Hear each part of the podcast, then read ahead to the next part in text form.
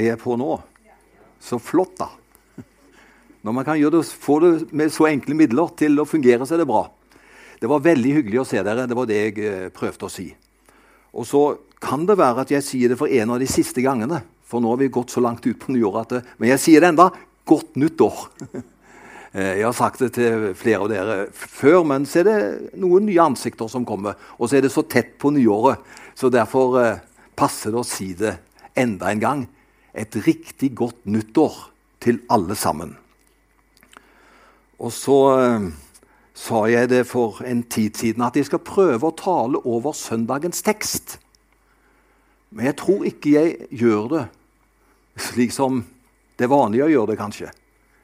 For hvis du hører den samme teksten i Den norske kirke, så er det jo fantastisk, det. Men vi har ulike måter å gjøre det på. Så jeg gjør det på min måte. Men det er søndagens tekst som er utgangspunktet. Og Det var det forrige søndag, og det er det også i dag. Og så tror vi at Gud har noe spennende å si oss gjennom den teksten på den måten som jeg tenker å legge det opp på her i formiddag. Og så er det mange gode måter å gjøre det på, men eh, jeg gjør det på min måte. Og det som jeg skal si litt om ut ifra teksten, for vi skal snart lese teksten sammen, der er det forholdet mellom loven og nåden. Og forholdet mellom loven og nåden den har vært litt problematisk for noen. Man har liksom sausa de sammen, og så er det blitt liksom en grøt av det. Men eh, vi skal se på hva bl.a. Paulus sier om det, for han har en klar oppskrift på dette med loven på den ene siden og nåden på den andre. Men da leser vi altså søndagens tekst. Det er Johannes 1, 15-18. Og så fikk jeg litt korrigering. Det er godt å ha ei god kone som korrigerer. Hun sa du, du leste for fort, Sten, sist, sa hun. Og det skal jeg ta hensyn til nå. Nå skal jeg lese saktere. For denne teksten leser vi sammen. Og så tar vi den nå. Johannes vitnet om ham og roper ut. Det var om ham jeg sa. Han som kommer efter meg, er kommet før meg, for han var før til meg. Av hans fylde har vi alle fått nåde over nåde. For loven ble gitt ved Moses. Nåden og sannheten kom ved Jesus Kristus. Der har du det, ikke sant? Det vi skal snakke om i formiddag. Ingen har noen ganger sett Gud, men den enbårne sønn som er Gud, og som er i Faderens favn, han har vist oss hvem han er. Amen. Forholdet mellom lov og nåde har vært et brennende spørsmål helt fra apostlenes dager. Overgangen fra lovens tidsalder, som representerte Det gamle testamentet, som endte med Golgata, og derfra nådens tidshusholdning, var ingen plutselig begivenhetsløs overgang, men en bitter kamp. Jeg vet ikke om du er klar over det.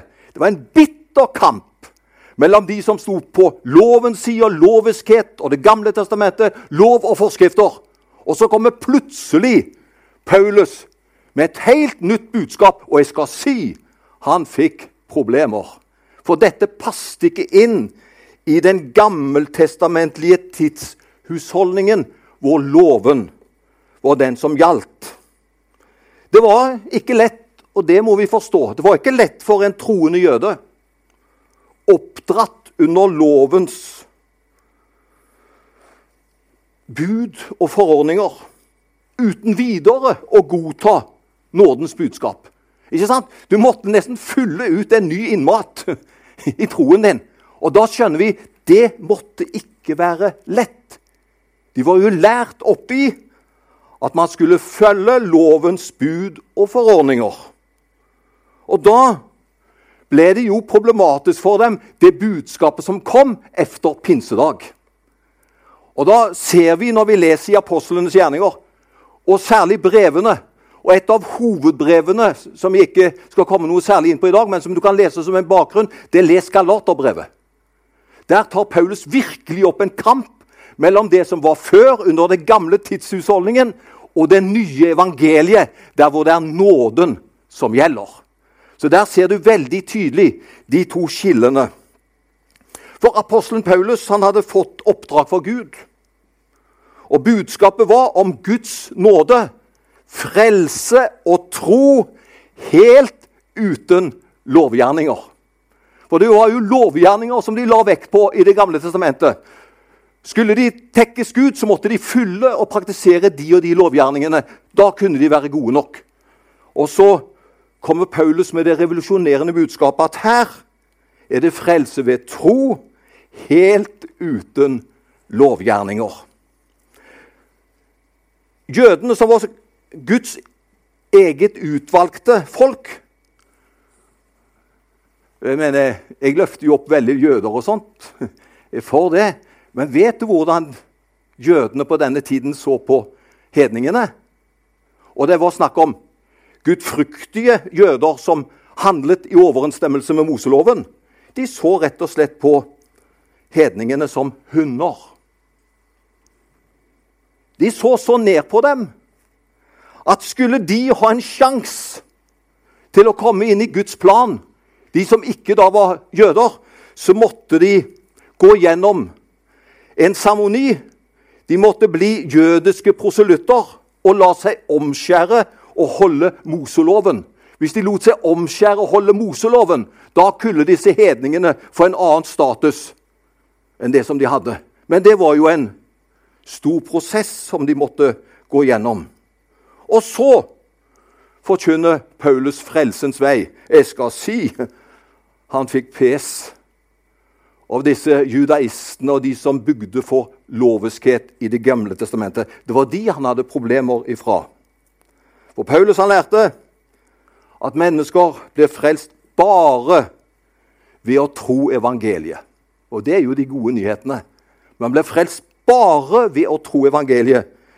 Helt uten omskjærelsesseremoni og lovgjerninger. Og Nå skal du høre noe. Frelse er ikke et spørsmål om lov og nåde. Men det er spørsmål om lov eller nåde. For det kan ikke være begge deler. Og Da skal du få et veldig fint skriftsted. Jeg tror det kommer opp på veggen. Romerne 11,6. Og er det av nåde, er det ikke av gjerninger. Ellers var ikke nåden lenger nåde. Og Det er det som er så problematisk for oss. Vi vil så gjerne spe på med gjerninger. Og vet du hva Paulus sier her? Hvis vi sper på med bare et fnugg av egne gjerninger, da er det rett og slett ikke nåde lenger. For nåde kan ikke suppleres med noe annet. Da blir det en saus av det. Enten så må det være loviskhet, lovgjerninger, eller så må det være nåde. Derfor er min neste overskrift som jeg bare sier til dere, det er nåde pluss ingenting. Nåde er den ufortjente godhet som, et, som en hellig Gud viser mot oss helt igjennom syndige og ruinerte mennesker. Nåde, det er alt for ingenting. Nåden løfter den dypest falne synder til den høyeste plass i himmelen. Og det er nesten kan du si et ammen inni deg. For dette er flott, altså. Nåden løfter den dypest falne synder til den høyeste plass i himmelen. Nåden er utelukkende Guds verk. Legges det til så mye som et fnugg av gjerninger, fortjeneste eller menneskelig rettferdighet eller anstrengelse, opphører det å være nåde. Så sterk er nåden. Og Da kan jeg bare lese, for det skriftstedet er ikke på veggen, men jeg har gjort det klar her. Det er 2. Timoteus 1,9. 2. Timoteus 1,9. Det er Han som har frelst oss og kalt oss med et hellig kall. Ikke efter våre gjerninger, men efter sin egen vilje og nåde. Den som han har gitt oss i Kristus Jesus fra evige tider av. Er ikke det flott? Det har altså med hva Jesus har gjort for oss. Paulus han sier noe i Galaterne 2,19. Mitt favorittvers har jeg sagt her før, det er jo Galaterne 2,20, men her står det i Galaterne 2,19 før det. Så sier Paulus at er død for loven'. Han sier ikke at loven er død, men han sier at han er død for loven. Og Der taler han om Guds hellige og ukrenkelige lov. Medregnet budene, skrevet, budene skrevet på steintavler. Og så sier han når det gjelder denne loven, er jeg død. Og du vet hva som skjer i det praktiske liv når en person er død. Da kan man ikke stille den til redskap lenger, for vedkommende er død. Men så lenge vedkommende lever, så kan man stå til ansvar for livet sitt, og det forfølger. Men når man dør, så avsluttes heftelsene som var med meg. Og så sier Paulus så fint her Overfor loven så er jeg død. Altså, loven har ingen heftelser på han lenger. Men loven i seg sjøl, den er meget levende. Loven, den er ute efter oss hele tiden. Loven forbanner fremdeles mennesker. Den fordømmer fremdeles synderen. Og den er fremdeles i dødens tjeneste og forlanger at de som gjør synd, skal dø. Det er lovens bud og forskrifter. Men Paulus han sier det så fint.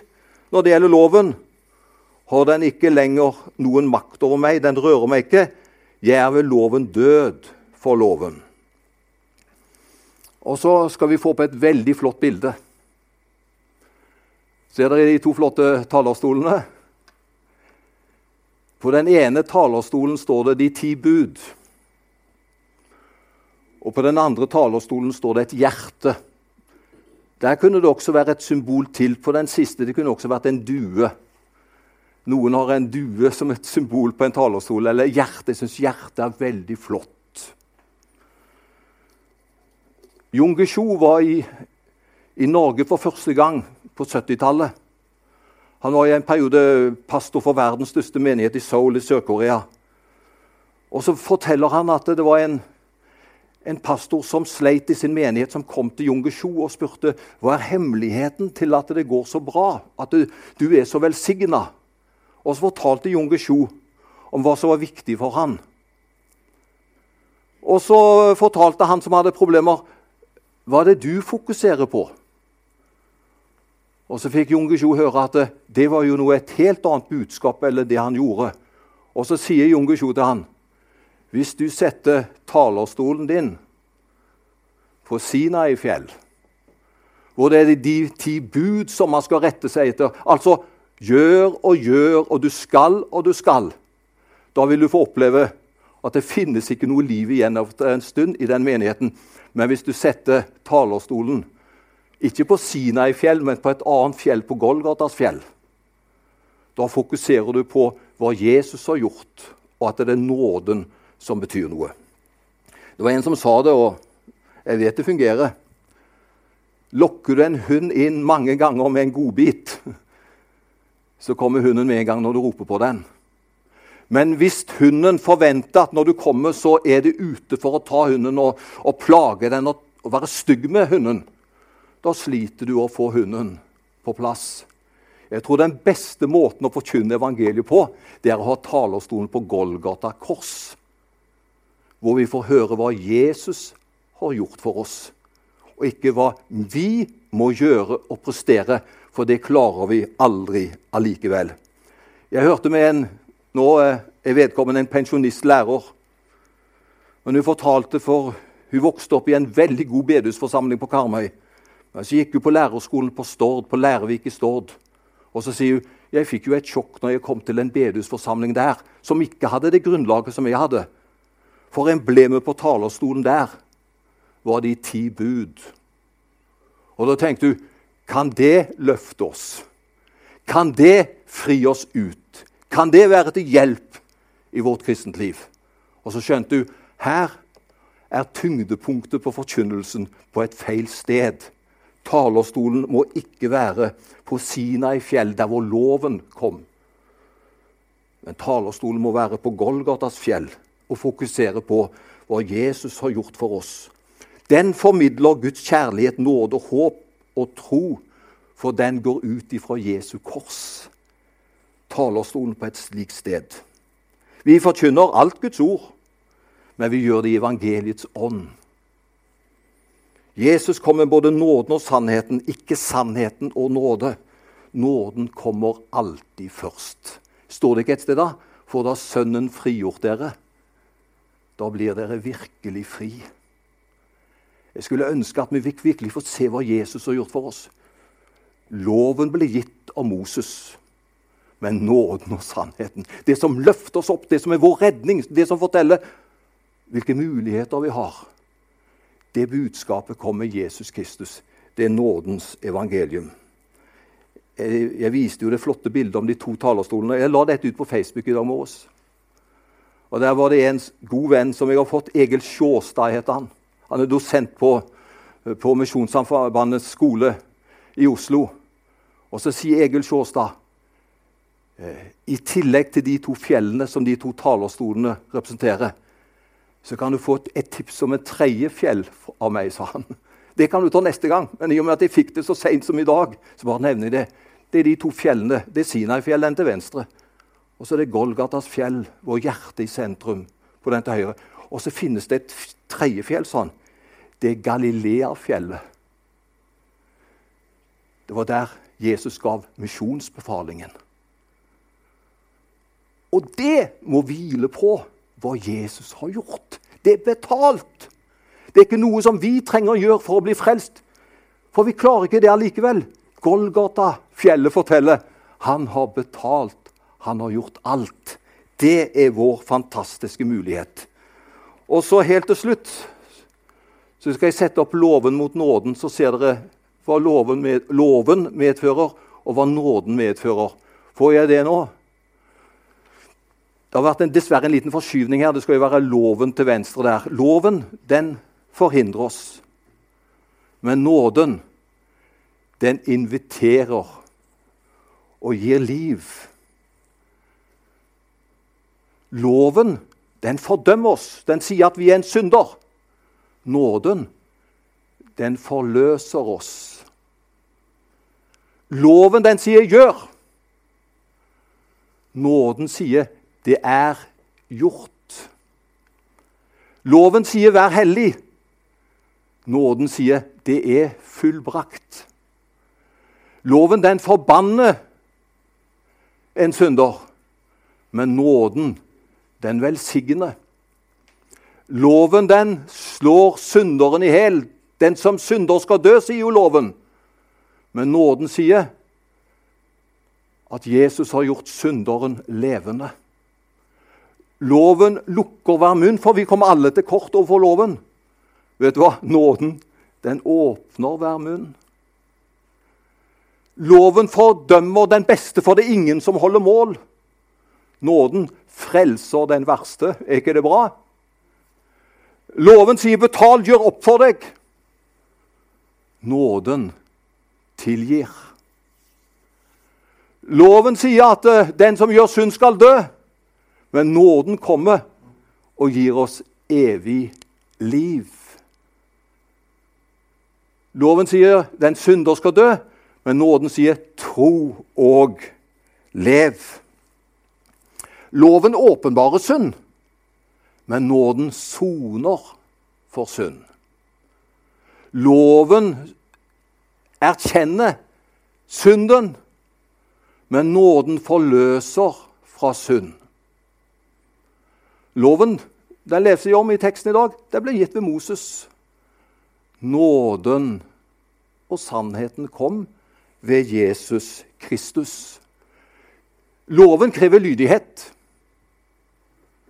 Nåden gir kraft til å lyde. Ser dere hvor stor forskjell det er? Loven den ble skrevet på steiner. Nåden skrevet på hjertets tavler. Vi har, vi har, noe her inne også, ikke sant? Men da er det ikke loviskhet på det ytre, men det er fra vår hjertes tavler. Loven ble tatt bort i Kristus. Nåden forblir til evig tid. Loven legger oss i trelldom. Nåden er Guds barns frihet. Der har du den voldsomme kontrasten mellom loven og nåden. Jeg må bare si det helt til slutt. Jeg er storforbruker av nåden. Jeg trenger den hver dag i mitt liv. Og så er det kanskje noen som sier men blir ikke dette veldig billig. da? Nei, det er fantastisk. Du minnes på hva Jesus har gjort. Han har virkelig betalt en pris for oss. Og så er det hva han har gjort, som er grunnlaget for min frelse, og at det kan bli bevart som en kristen. Hvis det er så mye som bitte liten flugg av gjerning, da er det ikke lenger nåde. Men frelsen har med hva han har gjort. Skal vi ta dette med oss, og så takker vi for at vi får lov å stå i nåden? Forstå i det Jesus har gjort for oss.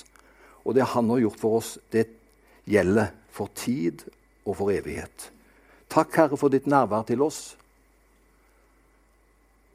Herre, det er så lett og tenke at bare gjør jeg det og det og det, så tilfredsstiller jeg deg. Gjør jeg det og det og det, så er du fornøyd. Men takk at du er fornøyd med det som Jesus gjorde på Golgata for oss alle. Hjelp oss at talerstolen står på rett plass, ikke bare i menigheten, men også i vårt liv. At vi bygger på hva du har gjort for oss, og den frelsesgrunn du har tilveiebrakt for oss. Takk at vi kan få lov å fryde oss i hva du har gjort og hjelp oss at vi tar vare på dette, det kostelige, det dyrebare som du gjorde når du gjorde alt for oss på korset. Velsign denne dagen, velsign uka vi går i møte. Takk at nåden og sannheten kom ved deg. Amen.